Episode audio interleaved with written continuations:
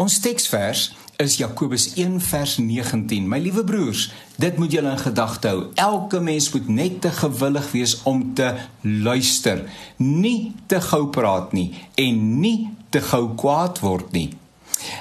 Ek lees hierdie aanhaling: Between the stimulus and response, there is a space. And in that space lies our freedom and power to choose our responses. In our response lies our growth and our freedom.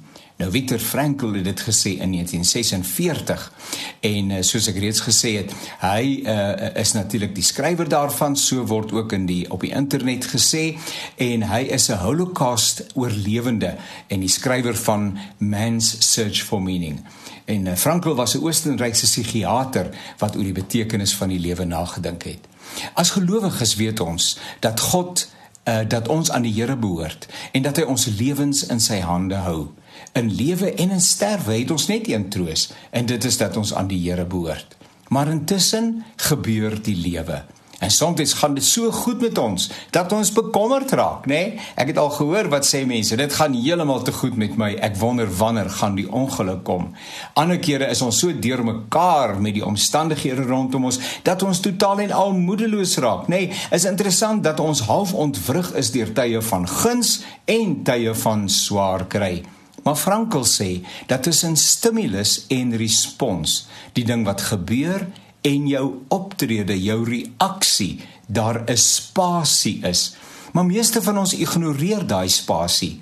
Iets gebeur wat ons ontstel en sonder om daaroor na te dink, perspektief te kry, ons reaksie te bedink, reageer ons ewe vel en onwrikbaar as die persoon wat ons verontrief het.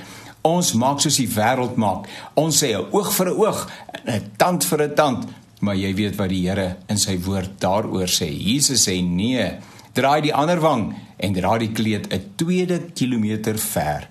Ons sal onsself en ander soveel hartseer spaar as ons net vir 'n oomblik huiwer voordat ons reageer. Trouwens, ons kan selfs vra dat ons geleentheid gegee word om die saak te bedink en later daaroor te gesels. Tussen stimulus en respons is daar 'n spasie. Dis 'n geskenk van bo. Twee ore, een mond. Eers luister, goed luister en dan wanneer die tyd daarvoor ryp is, reageer as dit hoegenaamd moontlik is. Onthou, 'n sagte antwoord keer die grimmigheid af.